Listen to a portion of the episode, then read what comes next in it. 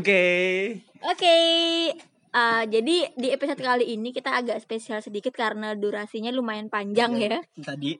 Iya, jadi sekitar satu jam lebih kayaknya nih.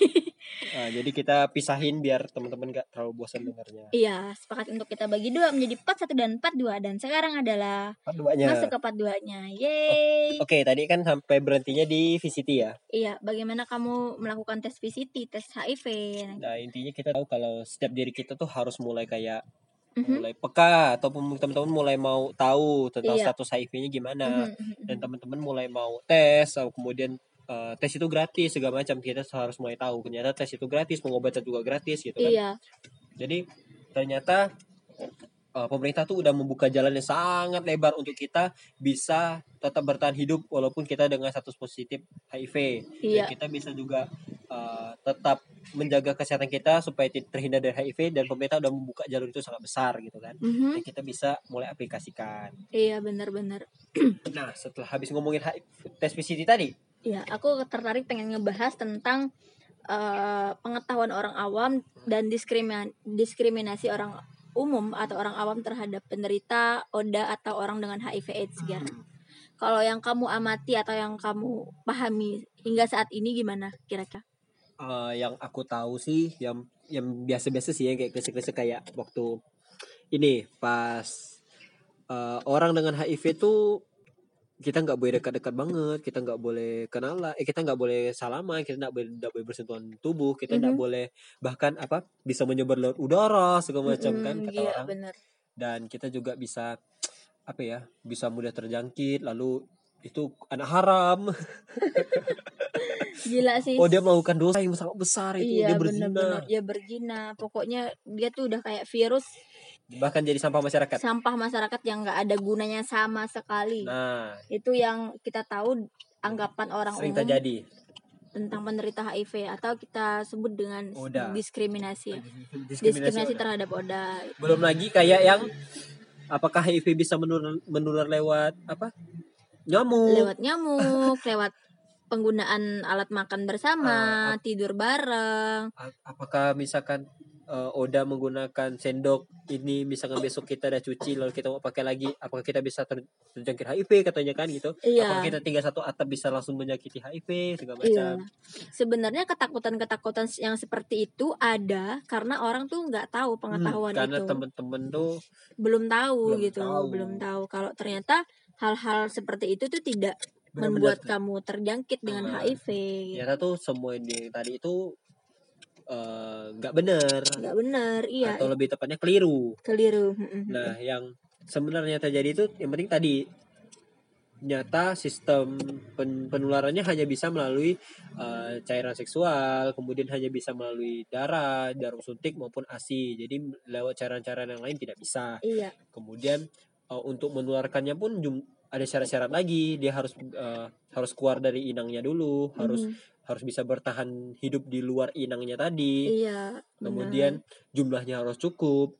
Kemudian harus bisa masuk ke dalam tubuh eh, pengidap berikutnya gitu kan. Mhm, jadi itu banyak sekali proses yang harus dialami oleh virus ini untuk bisa menyakiti orang lain. Nggak semudah kayak TBC ya. Kalau TBC Mhm. sih itu benar-benar baru parah. Itu benar-benar harus diinkubasi. Sedangkan kalau HIV itu nggak perlu sebenarnya. Mhm, asalkan kita tahu bagaimana jalur penyebarannya jadi diharapkan teman-teman tuh udah mulai ke aware. Ternyata tuh oh nyamuk tuh nggak bisa menularkan ternyata. Kemudian iya. eh apa gitu dia oh ternyata misalnya kita bersentuhan tubuh dengan HIV itu nggak apa-apa. Misalnya kita kena keringatnya tuh nggak masalah. Iya misalkan benar kita hidup satu rumah tuh nggak masalah juga. Atau mungkin menggunakan toilet bekas HIV juga nggak masalah gitu kan. Mhm, Eh, ternyata tuh dan asal kita tahu kita pasti udah mulai nggak mendiskriminasi orang udah mulai kayak oh ternyata tuh HIV itu nggak nggak hanya ditularkan melalui zina aja loh gitu. Ternyata bisa aja misalkan dia ternyata tenaga medis. Ternyata dia ada buka terbuka kemudian pasien itu adalah HIV positif lalu darahnya masuk ke dalam tubuhnya. Kan bisa aja menular kan? Mhm, Dan betul atau- betul. atau mungkin oh ternyata eh, ini adalah Beh, kat- intinya kita udah nggak perlu nggak perlu mau cari tahu banget deh soal latar belakang kenapa dia bisa kena HIV iya. Intinya kita mulai merangkul aja dia supaya dia bisa hidupnya lebih ke arah yang benar dia Mhm. eh, supaya dia bisa menjaga kesehatannya lagi supaya Mhm. dia tetap bisa tetap bisa produktif ya Iya, iya. Kalau ngomongin tentang ini berkaitan dengan salah satu pertanyaan dari teman kita, Gar. Mm-mm. Jadi ada dari R titik Azi, dia bertanya dan nge-DM kita. Tips-tips biar tetap safe dalam berteman dengan mereka yang terkena HIV gitu. Sama yang seperti barusan Gary paparkan.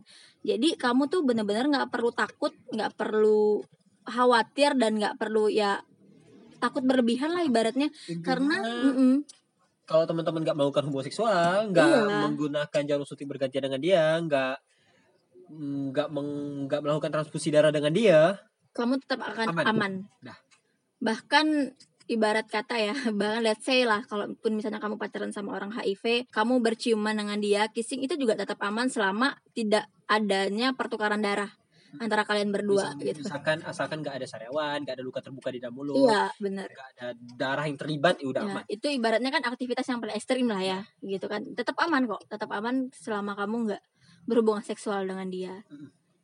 Nah, ada juga terkait pen- eh, pertanyaan itu ada pertanyaan dari udah langsung masuk Q&A ya ya sekaligus aja biar Darvina itulah pokok namanya. Kemudian dia bertanya, misalnya kita bermain dalam tanda kutip dengan penderita AIDS, apakah kita akan ketular kalau kalau kita pakai pengaman gitu. nah Ibarat let's say kondom lah ya. Nah, Hmm. kan tadi soal penularan tadi kita udah udah Udah soal bahas. udah bahas belum sih? Udah bahas berkali-kali sih sebenarnya, cuman kita belum bahas yang Belum kondom bahas sih. ah, secara itu ya. Intinya Iya. gini. Misalkan oke, let's say tadi katanya eh, teman-teman dengan HIV itu bisa memiliki anak tanpa menularkan HIV ke anaknya. Mhm. Berarti eh, apakah kasus ini bisa terjadi juga misalkan ini ada suami, suami dan istri? Apakah suami eh, misalkan let's say suaminya adalah pengidap HIV dan istrinya eh, sehat sehat bersih gitu kan? Mhm. apakah si istri bisa tetap menjaga kesehatan dia tadi tanpa harus terkena HIV walaupun dia ber- berhubungan seksual dengan suaminya tadi? Mhm. Jawabannya adalah Bisa, iya, asalkan tidak ada masalah. asalkan yang pertama laki-lakinya menggunakan alat pengaman Alat seperti kondom. pengaman. Iya. Kemudian eh, yang kedua laki-lakinya harus melakukan pengobatan fisik tadi. Mhm. Kemudian apa lagi ya? Dua itu aja kali ya. Dua itu aja. Dua, dua itu aja yang paling vital Iya. sih sebenarnya yang penting asalkan eh, laki-lakinya melakukan pengobatan dan menggunakan pengaman itu aman. Iya. Jadi sebenarnya kalau misalnya tadi kasus yang Gary sampaikan kalau misalnya aku HIV terus Gary enggak terus kita berkeluarga dan ingin melakukan hubungan seksual, sebenarnya bukan cuman aku yang harus konsumsi obat VCT, Gary juga harus harus harus mulai mencegahan harus mulai pencegahan, pencegahan dini kan biar enggak biar nggak Iya, biar ibarat- nggak- kecelakaan iya, ibaratnya kalaupun eh, kondomnya bocor misalnya kan jadi Gary udah punya pengaman dulu yaitu obat VCT gitu. Jadi udah kita punya dua alat pengaman, pengaman langsung. gitu. intinya program ini pasti eh, orang-orang medis lebih paham deh Iya, kita bukan orang medis. intinya kalau misalnya ada apa-apa ya teman-teman langsung eh, mulai aja deh konsultasi mulai-mulai belajari lagi tanya-tanya dengan tenaga tenaga medis Mhm. teman-teman mungkin teman-teman perawat atau teman-teman yang ke- kuliah di kedokteran bisa bisa membantu teman-teman untuk belajar tentang HIV itu gimana Iya, penyebarannya gimana pencegahannya gimana dan lain-lain iya benar. Eh, stop dulu dong ya. Eh, cut aja ya. Cut. Oke, kita lanjut Q&A berikutnya dari Gusti Dani Yusmiri. Dia bertanya tentang banyak teori yang bilang kalau sakit itu bisa datang dari sugesti otak. Mm-mm. Kalau tentang penyakit HIV ini kira-kira bisa nggak ya disembuhin dengan cara seperti itu gitu, sugesti. Nah, kalau pendapat aku dulu ya, Gar. Mm-mm. Kalau pendapat aku dulu sebenarnya yang aku pahami kenapa orang HIV itu sebenarnya cepat mati. Atau cepat meninggal ya sorry ya bahasa halusnya cepat meninggal. Karena sebenarnya mereka itu terbunuh secara pelan-pelan akibat diskriminasi orang lain itu diskriminasi orang lain. Ad- dengan adanya diskriminasi tersebut dengan adanya uh, asumsi dia bentar asumsi dia kalau aku nih kalau ketahuan orang HIV orang bakal ngejauhin aku orang bakal ninggalin aku dan aku bakal kesendirian. Kemudian dengan adanya asumsi tersebut dia takut untuk cek VCT, dia takut untuk mengatakan kepada orang lain kalau dia HIV dan segala macam. Akhirnya ketakutan-ketakutan yang dia ciptakan sendiri, asumsi-asumsi sendiri yang itu ternyata akhirnya membunuh dia gitu. Yang membuat dia takut untuk berobat dan eh, perawatan tentang penyakit dia. Nah, pertama menurut aku sugesti itu penting banget. Sugesti kalau dia punya sugesti yang positif eh, kalau dia tahu ilmunya HIV itu nggak berbahaya. HIV itu bukan berarti mati. HIV itu tetap bisa beraktivitas seperti biasa. Nah kalau dia pun sudah menanamkan sugesti seperti itu dia sudah melewati satu tahap lebih baik. Satu tahap lebih baik. Tapi nggak cuma dengan sugesti seperti itu kalau dia bisa sembuh nggak bisa. Dia tetap harus melakukan perawatan yang lain yaitu minum obat VCT gitu. Eh minum sorry minum obat AR, ARV gitu sugesti penting tapi kalau kamu cuman mensugesti diri kamu dan tidak melakukan pengobatan dengan minum obat itu juga nggak akan membantu gitu menurut aku seperti itu kalau menurut kamu gimana Gar? Oke, aku setuju sih dengan kamu tadi karena gini, eh, setahu aku, sepengetahuan aku sugesti itu memang mempengaruhi dengan kinerja pengobatan kita. Iya benar. Tapi untuk menyembuhkannya tetap harus ada pengobatan, ya, Iya. peng- pengobatan secara real gitu kan. Nah, apalagi kasusnya soal HIV. HIV tadi kan ada soal soal imun tubuh. Jadi kemungkinan sugesti itu paling mentok-mentoknya ya, mentok-mentoknya paling besar itu berperan paling kayak membantu proses eh, ketika orang itu senang maka obat yang diminum itu akan lebih efektif bekerjanya karena tubuh nggak mengalami eh, mental depression tadi gitu segala macam kan. Mhm. Sedangkan kalau ketika eh, Oda ini eh, mendapatkan dis- diskriminasi seperti contohnya eh, pengucilan, pengusiran, eh, dilabeli sebagai sampah masyarakat dan segala macam, tindakan Mhm. perlakuan yang berbeda, otomatis dia akan akan stres, akan depresi kan. Dan itu mungkin akan menyebabkan eh, menyebabkan perbedaan tingkat efektivitas pengobatan tadi. Perlu ditekankan lagi, intinya harus ada pengobatan secara fisik tadi, harus ada konseling tadi, harus ada tes tadi, harus ada minum ARV dan segala macam.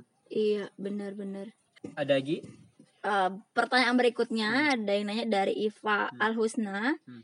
Dia nanya menurut kakak kesadaran terhadap HIV AIDS di Pontianak sudah sebesar apa? Em, dari yang kita tahu ya, kalau untuk kota Pontianak, eh, waktu kita melakukan sosialisasi segala macam, eh, teman-teman rata-rata masih banyak yang kurang paham juga, masih banyak yang belum mengerti juga. Hmm. Tapi ketika kita udah sosialisasi, kita udah sering-sering melakukan apa ya, masuk-masuk ke sekolah, ya semoga hasilnya itu memberikan hasil yang baik sih sekarang. Harusnya semoga aja teman-teman udah em, meng- mengabarkan kabar baik ini.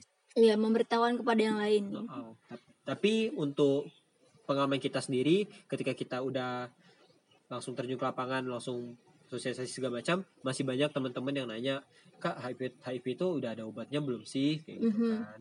Apa- Banyak yang masih belum tahu Oh, sih. Gitu. Nah, karena itu makanya podcast ini juga berdiri Iya. bahas soal ini karena ini. belakangnya emang kita pengen teman-teman lebih banyak yang tahu tentang pengetahuan HIV. Nah, kalau misalnya kita ngomong kesadaran, kita lihat dari data aja sih ya. Di, dari data tuh tetap megang Pontianak masih di urutan pertama di Kalimantan Barat. Tentang, yang uh, Paling jumlah. banyak jumlah penderita HIV maupun AIDS. Itu yang Bahkan terdata ya. yang terdata. Nah, yang terdata banyak pasti yang masih belum terdata dan tidak mau iya, tidak mau yang tes malu tes HIV. atau mungkin nggak sadar. Iya, bener-bener. Ini yang terdata nih baru segini gitu. Kalau misalnya ngomong kesadarannya yang pasti yang jelas kalau di Kalbar Pontianak itu mungkin bisa bisa dibilang yang parah lah gitu kan. Paling parah kesadarannya justru karena kita memegang predikat yang paling tinggi ya kita sebagai anak muda ya kita yang berperan gitu. Salah satunya lewat media ini, edukasi. Kalau kita nggak bisa berbuat banyak dengan cara merangkul Oda karena kita nggak tahu Oda itu siapa yang mana ya dengan cara seperti ini aja mungkin Iva Iva Al Husna gitu kan bisa berperan juga nih bisa mengambil andil buat mengedukasi teman-teman di luar sana biar kita bareng-bareng gitu. Buat meningkatkan kesadaran warga Pontianak nih khususnya. Mantap. mantap eh terus ada lagi pertanyaan dari Ricky Budi. Apa sih program pemerintah atau lembaga dalam meningkatkan produktivitas hidup Oda Oke, setelah kita searching-searching, ternyata kita juga butuh searching ya ya karena kita tidak mau salah-salah juga. Mhm. Jadi ternyata uh, Kementerian Sosial di tahun 2017 itu sudah mencanangkan tentang uh, apa ya dan menyiapkan dana untuk program pembekalan kepada oda-oda Mhm. untuk membuka usaha-usaha mandiri. Iya. Nah, tapi kalau menurut aku sendiri, apakah oda ini harus harus banget dibuat? Iya, yang kayak gitu kan. uh, apakah perlu dibuatin program-program khusus seperti itu nggak sih? Kalau Misal menurut aku sendiri, jatuhnya sebenarnya nggak perlu. Nggak perlu. Aku juga Karena- mikirnya gitu. Oda itu sebenarnya sehat, uh, Sehat. sehat, sehat. Misalkan dalam melakukan pengobatan dia sehat, mampu melakukan apa pun. Mm-mm. Jadi nggak perlu dibatasin kayak perlu dibuatin pabrik khusus untuk orang-orang Oda nggak perlu. Sebenarnya Oda itu bisa bekerja di mana pun, uh, posisi apa pun. Sebenarnya nggak perlu lagi ada kayak asalkan masyarakatnya udah bebas dari stigma tadi, udah Iya, memiliki bener-bener. memiliki pemahaman yang benar, udah pemahaman yang uh, pemahaman yang tepat akan Oda tadi, pasti teman-teman tadi udah bisa bekerja di posisi apa pun karena selama ini kan kenapa Oda nggak bisa produktif karena masyarakatnya Takut- sendiri Takut akan stigma. ah masyarakatnya sendiri yang menolak oh kamu nggak usah kerja di sini nanti kamu nularin saya Iya. Nah, karena itu makanya Oda sendiri tadi nggak bisa produktif. Tapi ketika teman-teman eh, masyarakat udah bisa memiliki pemikiran yang tepat akan Oda tadi, aku jamin sih pemerintah harusnya nggak perlu capek-capek buatin program khusus atau nyiapin dana khusus untuk Oda tadi. Iya, benar. Aku setuju.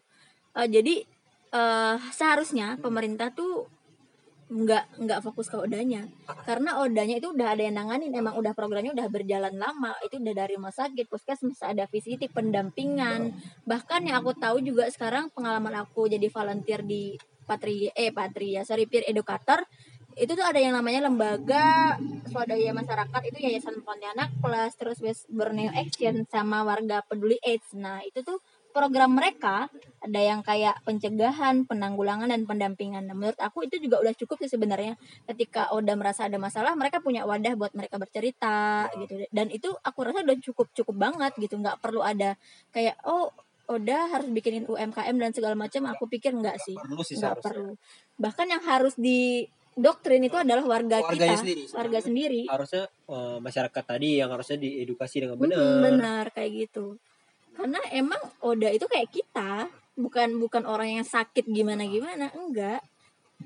Nah, tapi eh, kita juga harus tetap apresiasi kinerja pemerintah yang udah berniat nih. Karena mungkin aku paham juga. Mungkin karena kalau kita berharap mensosialisasikan semua ke masyarakat kan masyarakat kan jauh lebih banyak jumlah daripada udahnya kan? Iya. Jadi aku mungkin paham juga Paham. kalau pemerintah kesulitan untuk bisa memberikan eh, edukasi, edukasi ini. edukasi dengan cepat edukasi dengan tepat dan juga em, mungkin membutuhkan waktu yang lebih lama ketika harus eh, dibanding mem- membangunkan UMKM yang tadi khusus untuk Oda Mhm. kan. Nah, tapi kita tetap hargai usaha Iya. pemerintah tadi. Iya. Dan semoga bisa direalisasikan eh, untuk selama ini sih kita di kota Pontianak belum melihat ya hari gitu ya belum ada ya. Benar benar benar oke. Oke lanjut. Pertanyaan Eh, semoga berikutnya. menjawab ya Ricky Budi ya.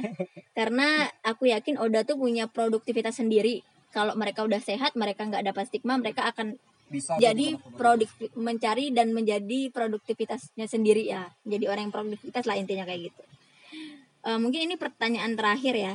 Pertanyaan terakhir dari Arin Arin. Desas desus KTP kakak khusus Oda biar bisa mengakses BPJS nah ini menarik nih apakah oke jadi gimana kamu oke aku tahu emang eh, mungkin teman-teman pendengar tuh bingung pertama pertama di awal kita bilang kalau uh, Oda penderita HIV itu semuanya digratiskan. Kita mau bilang kalau yang digratiskan itu adalah pertama tesnya, tesnya yang kedua obat. ARV-nya selama penderita mengidap status positif HIV. Tapi kalau kasusnya penderita udah masuk ke fase Terus AIDS sampai dapat kanker sampai dapat penyakit-penyakit yang kanker lain, TBC atau dan segala macam. lain. itu udah nggak ditanggung sama pemerintah lagi. Oke. Itu kasusnya udah kayak biaya sendiri gitu. Jadi kita mau nekankan lagi kalau yang gratis itu adalah tesnya sama obat Obat ARV-nya selama mengidap status Pengobat, eh, positif HIV. Pengobatan Kalau HIV-nya gratis, Iya. tapi pengobatan AIDS itu nggak gratis. Iya, jadi memang sekarang memang pemerintah sudah mengupayakan. Dan yang aku tahu sekarang udah yang aku baca kemarin di Pontianak Pos ya baru-baru peringatan HIV AIDS kemarin Eh, itu Ibu Lucy yang ngomong Ibu Lucy itu adalah sekretariat KPA provinsi. Jadi dia bilang kalau sekarang emang sudah diurus tentang mengenai kartu keluarga KTP kartu keluarga untuk penderita ODA dan sekarang juga udah ada 15 orang katanya yang udah resmi punya BPJS itu. Oke. gimana prosesnya? Jadi kan kalau misalnya kita sebagai masyarakat biasa itu kalau mengurus BPJS itu kan harus sekeluarga kan dari misalnya ibu bapak anak itu semuanya harus punya BPJS nah beda sama ODA jadi misalnya dalam satu kecamatan itu mereka khusus misalnya aku Gary Ani Budi misalnya kan Ya. tinggal dalam satu kecamatan yang sama tapi dari keluarga yang berbeda Ah. nah jadi kalau misalnya mereka sama-sama ODA mereka otomatis akan punya kakak yang sama Oke, jadi jadi jadi eh, kakaknya tuh Iya. bukan bukan keluarga tapi langsung satu status HIV-nya Iya. tadi. Sesama penderita ODA gitu. Jadi mereka punya kakak yang sama, jadi nanti bakal diurus tuh BPJS-nya. Kalau nggak salah aku mereka bisa ngurus ke Capil. Kalau bingung bisa ke KPA KPA provinsi atau KPA kota terdekat gitu. Hmm, bisa teman-teman langsung searching alamatnya di mana, Iya. kontaknya di mana. Iya, karena yang aku baca juga pertimbangan pemerintah eh, ngurus BPJS ini adalah karena tes untuk eh, apa penanganan kasus AIDS-nya itu emang mahal banget katanya gitu. Jadi emang jadi pertimbangan besar sih. Tapi emang kita harus upayakan terus. Kan nggak mungkin kita biarin kan. Iya, Kasihan benar. karena sebagian besar penderita ODA juga adalah orang-orang yang berasal dari ekonomi menengah ke bawah. Apalagi mengingat kalau setiap diri kita juga tetap rentan. Iya, kita juga berpotensi. karena bu- bukan ketika kita bilang ini kan kasusnya hanya untuk orang-orang ODA aja. Oh, jangan salah. Kita Ketik- juga ketika bisa. kita udah terjangkit lalu kita lalu selama ini kita nggak me- mensuarakan tentang uh, akses kesehatan bagi mereka lalu ternyata kita tiba-tiba menjadi ODA jadi sama dengan mereka wah udah Iya. kita bakal tetap kesulitan dengan sama kayak mereka gitu kan Mhm, benar benar benar benar. oleh karena itu kita tekankan um, status apa pun kita soal HIV kita harus tetap menegakkan uh, keadilan bagi teman-teman ODA tadi untuk mendapatkan Iya. kesehatannya ya Mhm, benar.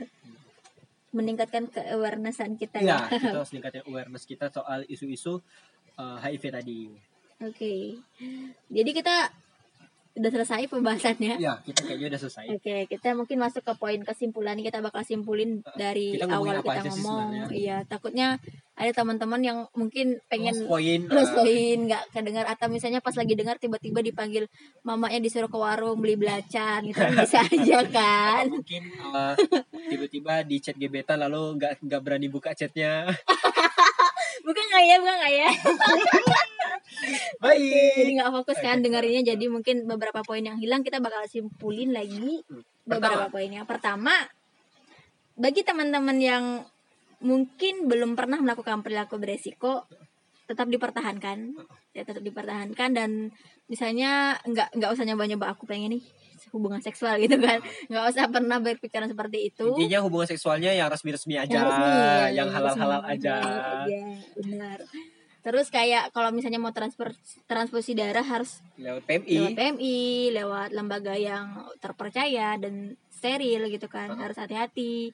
Terus kayak penggunaan jarum suntik gitu juga harus Mulai mulai aware deh, Mm-mm. misalkan misalnya di rumah sakit uh, kita lihat dulu dokternya tuh pakai jarum suntiknya sendiri-sendiri gak sih? Tapi zaman sekarang kayaknya udah semua ya sendiri-sendiri ya. Iya. Oke, poin kedua, bila kamu sudah melakukan perilaku beresiko, Mm-mm. segera tes HIV ke puskesmas atau rumah sakit terdekat. Oh iya, mau namain Kak mau. Baru Iya, ingat, baru. gimana? Eh, sebenarnya tes HIV juga ini ya harus dilakukan ketika kita mau melau- melangsungkan pernikahan.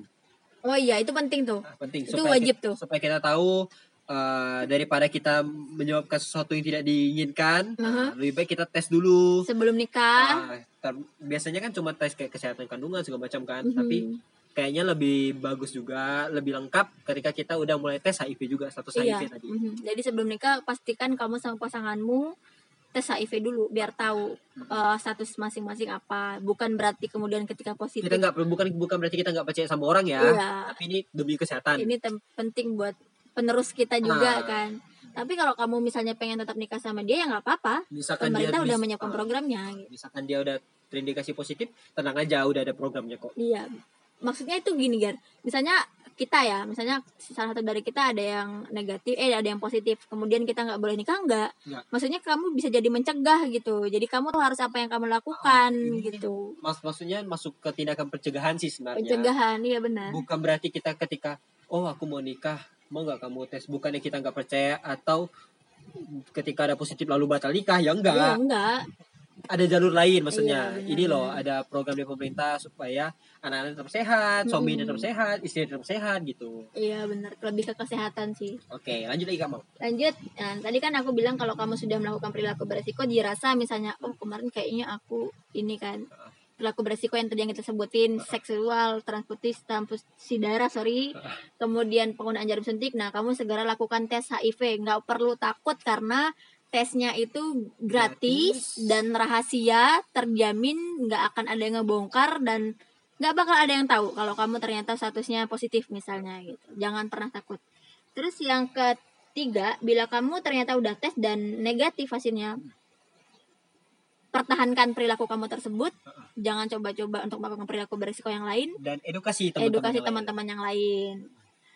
Terus bila kamu positif gitu kan misalnya kamu positif HIV kamu harus selalu menggunakan alat pengaman dan selalu meminum obat ARV rutin dan disiplin Ikuti program dari dokter. program dan Eh, mulai apa ya? patuhi intinya teman-teman jangan itu sih misal udah pos misal udah ternyata positif HIV jangan putus asa Mhm.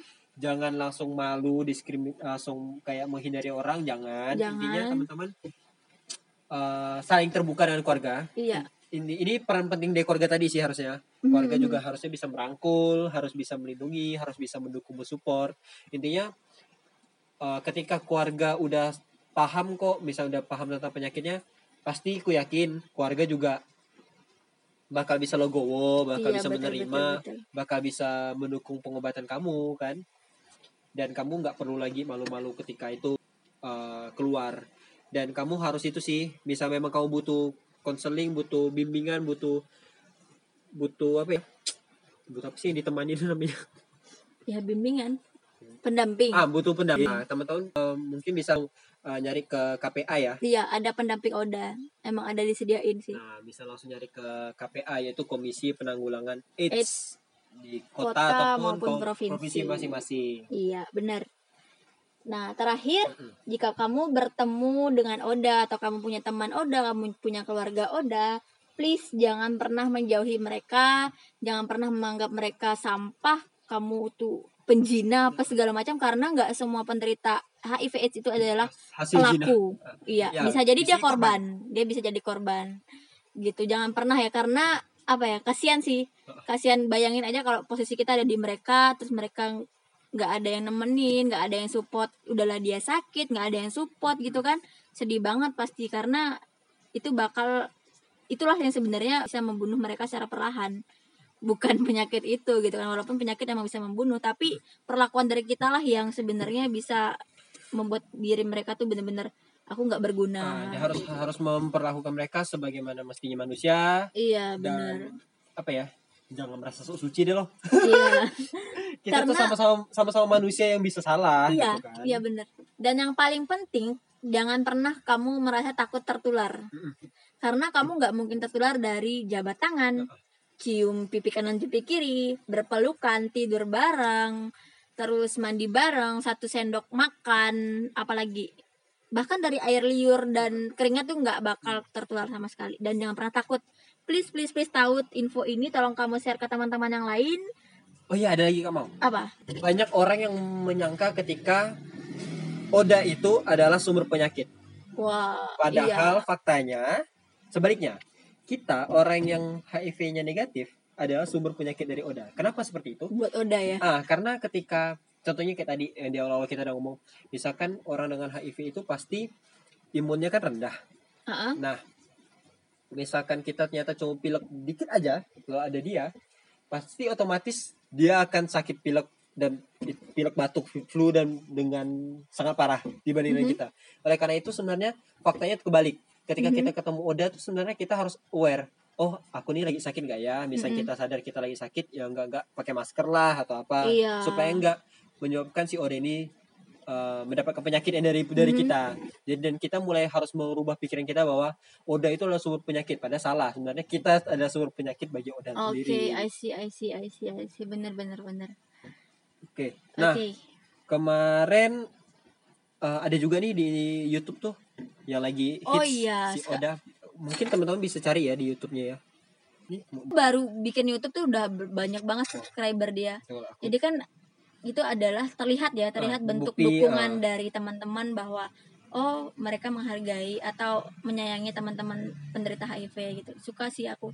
Semoga semakin banyak Oda yang berani seperti itu dan semoga semakin banyak dari kita yang negatif HIV bisa mengerti dan memahami kondisi Oda dan mau berteman dan merangkul mereka. Oh iya, namanya adalah Acep Gates.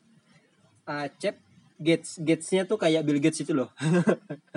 Acep Hmm. Gates. Nah, itu teman-teman eh, bisa langsung cari di YouTube-nya. Teman-teman mungkin kalau mau tahu tentang Oda itu gimana dengan lebih lengkap langsung dari Odanya bisa langsung subscribe channelnya. Iya. Dan itu adalah suatu bukti bahwa ternyata banyak orang eh, yang ketika udah tahu HIV dengan benar nggak mendiskriminasi tuh justru malah mendukung untuk tetap tetap sehat. Closing dari Kak Mau. Oke, semangat mengedukasi, cuman ini yang bisa kita lakukan dan eh, apa yang kita sorry.